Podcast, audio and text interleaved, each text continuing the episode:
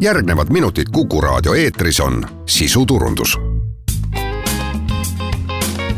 terviseminutid. saate toob kuulajateni pereoptika, kogu pere prillipood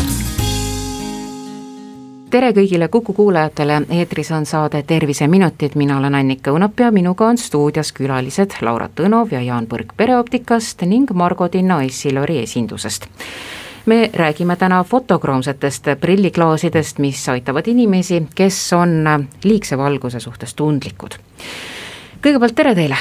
tere, tere.! Prilliklaasidel ehk siis läätsedel on äh, väga palju erinevusi ning äh, prillipoed pakuvad järjest enam ka suuremat valikut, mis tähendab, et pea igale sellisele spetsiifilisele silmadega seotud probleemile leitakse ju lahendus.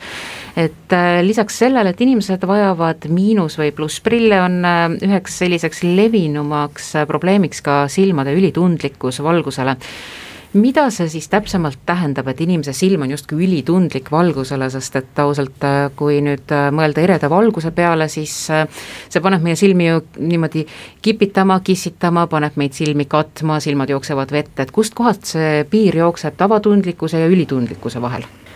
ega tegelikult see piir ongi selline suhteliselt äh, peenike, ütleme nii, et ähm, ikkagi, kui see halvendab elukvaliteeti siis juba on tegemist äh, tõsise probleemiga.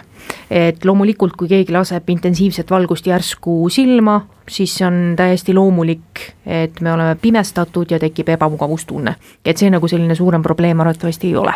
see on tegelikult jälle seotud iga inimese individuaalse omadusega, et milline on tema nägemissüsteem, milline on tema, ütleme, silmaretseptorite seisukord ja kui kaua ja kui palju saab ta valgust, eks ole, kuidas need retseptorid reageerivad selle peale, et, et on igal inimesel nad erineva võimekusega. palju neid inimesi meie ümber siis orienteeruvalt võib olla, et kellel on selline just ähm, noh, ülitundlikkus valguse suhtes olemas? ma arvan, et võib isegi olla kuskil kümme, kakskümmend protsenti ja seda ka sellepärast, et äh, see ülitundlikkus võib ka olla seotud mingisuguste erinevate silmahaigustega. et Äh, ja võib ka olla selles mõttes ilma mingi põhjuseta, ehk siis idiopaatiline kui inimesel tekib see kahtlus, et äh, ta päris täpselt ei tea, et kas tal on see ülitundlikkus valguse suhtes, äh, kuid valgus teda mingil määral siiski häirib, et äh, siis tasub see kindlasti ju üle kontrollida, aga kui võimekad on näiteks ähm, prillipoodide juures tegutsevad optometristid seda hindama või, või tuleks otse pöörduda silmaarsti vastuvõtule? ega seda ülitundlikkust kontrollida väga ei saagi, et pigem ongi see, et missugused need äh, nii-öelda kaebused inimesel on ja kui tugevad või kui suured need kaebused on. kuid aga, et äh, silmadele sellist leevendust pakkuda, on äh, jällegi välja mõeldud selline lahendus nagu fotokroomne prillilääts, milles selle töö põhimõte seisneb, et kuidas ta siis aitab inimest, kes on valguse suhtes tundlik? tegu on nii-öelda nutika läätsega ehk isetumeneva läätsega ja noh, fotokroomne äh, nimetus on tal ülemaailmselt nagu ühes, ühtemoodi, et kõik saavad aru, millega tegu on. aga lääts on äh, mõeldud selleks, et, äh, et ta reageerib äh, erinevatele valgustingimustele. kui inimene koos selle, selle klaasiga satub nüüd ükskama siis, milline valgusfoon meil parasjagu on, et lääts ise muudab oma sellist molekulaarset olukorda niimoodi, et ta osa valgust ikkagi läbi ei lase. et seal tekib selline teatav filter et kui valgus on suurem, tekib filter rohkem, kui valgust on vähem, siis, siis ta noh, täpselt nii palju laseb, kui palju see, see valgusfoon meil parasjagu on, nii et kui inimesel on valgustundlikkus äh, silmades, siis äh, see aitab teda kindlasti. ja fotokroomseid prilliläätsi on tegelikult ka kahte varianti. et on tavaline fotokroomne lääts, ehk siis transition, mis tumeneb ainult päikesevalguse käes. ja teine variant on extractive või extractive Äh, mis siis tumeneb nii päikese kui muu nähtava valgusega.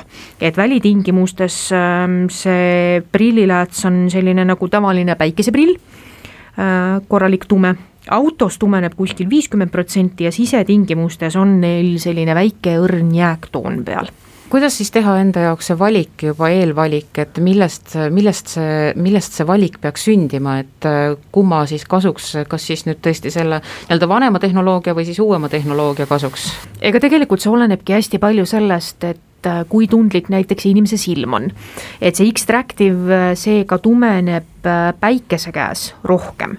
ehk siis, kui see silm on väga-väga tundlik ja näiteks kui on väga palju autosõitu, siis pigem see X-Tractive on parem valik kui nüüd näiteks häirib see, et on siseruumides selline väike jääktoon peal, siis pigem see täiesti tavaline transitions nii et äh, kui nüüd äh, klient tuleb äh, jällegi silmaarsti või optometristi juurde, siis ta peakski kõik need ähm, tingimused, kus ta toimetab, läbi rääkima, et ta ütlebki, et mis teda siis häirib õues, mis teda häirib toas ja, ja kuidas siis oleks soov seda olukorda lahendada.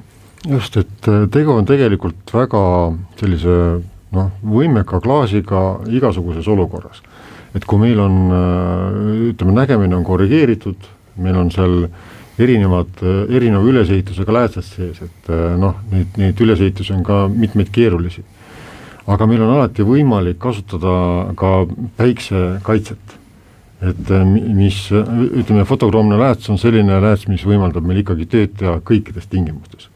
Nii hämarates tingimustes kui päikselistes tingimustes. Ja noh, seal vahe sellised valgusversioonid jäävad ka sisse, nii et ta on hästi intelli-, või ütleme, selline nutikas lahendus millisest materjalist neid äh, nii-öelda fotokroomseid üldse valmistatakse ja, ja kas neil on võimalik ka lisada mingisuguseid eraldi äh, pinnakatte materjale, et noh, ma, ma mõtlen, et kui näiteks inimene teebki kontoriruumis tööd, teda häirib näiteks tehisvalgus nii tohutult, et kas sinna ka saab panna neid nii-öelda sinise valguse kaitset peale ja kõike muud säärast? jah, et ei, ei ole mingit takistust äh, panna täpselt sellist äh, katet peale, mis, mis, mida inimene soovib, ütleme, mis, mis kataloogis on, et noh, osasid asju ei saa panna, ütleme päikseprilli katteid ei saa fotokroomile panna, et panna, et see on, see on nagu eraldi teema. aga ütleme, tavalisi peegeldamisvastaseid katteid, mis äh, on äh, ka tavalistel selgetel läätsedel, kõiki neid on võimalik kasutada. et siis siis kuidagi ei vähenda seda töö, tööpõhimõtet või siis nii-öelda selle funk-, funktsioneerimist, et äh, kui ma lähengi sinna UV-kiirguse kätte või olen tavalises nagu nii-öelda valgusvihus, et siis ta justkui ei, ei reageeri siis aeglasemalt? noh, võib-olla seal mingisugune gramm on mingit erinevust, aga, aga tegelikult need katted ja, ja noh, on niimoodi välja töödeldud, et nad töötavad omavahel ikkagi, nad, nad toimetavad koos ja, ja ütleme, kogu see silmakaitse nii sinise valguse eest kui UV-kiirguse eest on igatepidi tagatud, ehk siis tervis on, on tagatud. See fotokroomne kiht on tegelikult selle prilliklaasi sisemine kiht, ega ta, see fotokroomne kiht ei ole kuskile peale liimitud ega, ega ma ei tea, pandud, vaid ta on sinna sisse ehitatud. Ja see on selline äh, noh, teatud mõttes on ta selline kiht, mis äh, liiga palju niisugust painutamist ei armasta ja kindlasti ei armasta ta temperatuuri kõikumisi. et äh, kui kiire temperatuuri kõikumise juures erinevad plastikosad erinevad plastmassid ja erinevad kihid äh, on erineva soojuspaisumisega, siis sellised kiired kõikumised võivad sinna kergesti mõrasid äh, sisse lüüa. aga mina tahtsin ütelda, et äh, nii nagu tavaläätsed on ühevaatelised, mitmevaatelised, õhendatud, täpselt samasugused omadused on ka fotokroomsetel klaasidel. nii et, et fotokroomsete klaaside õhendused on samad, mis on äh, tavaläätsedel ja loomulikult ka need äh, mitmevaatelisuse võimalused, et progresseeruvaid prille saab väga hästi teha ka fotokroomsest materjalist ja nüüd need, kes äh, on äh, valguse suhtes natukene vähem tundlikud ja siis mina usun, et need, kes siis näiteks ei taha seda fotokroomset prilliklaasi, kellel ei ole otsest vajadust, siis äh, järgmine valik oleks justkui need eripäikeseprillid. ja päikseprillid on väga ilusad ka, et äh, iga kevad saabuvad tuhandetelt disaineritelt kevadised päikseprillikollektsioonid ja ja kõik, igasugune prill annab inimesele selle imidži ja alati tasub kvaliteetset ja ilusat päikseprilli tarvitada.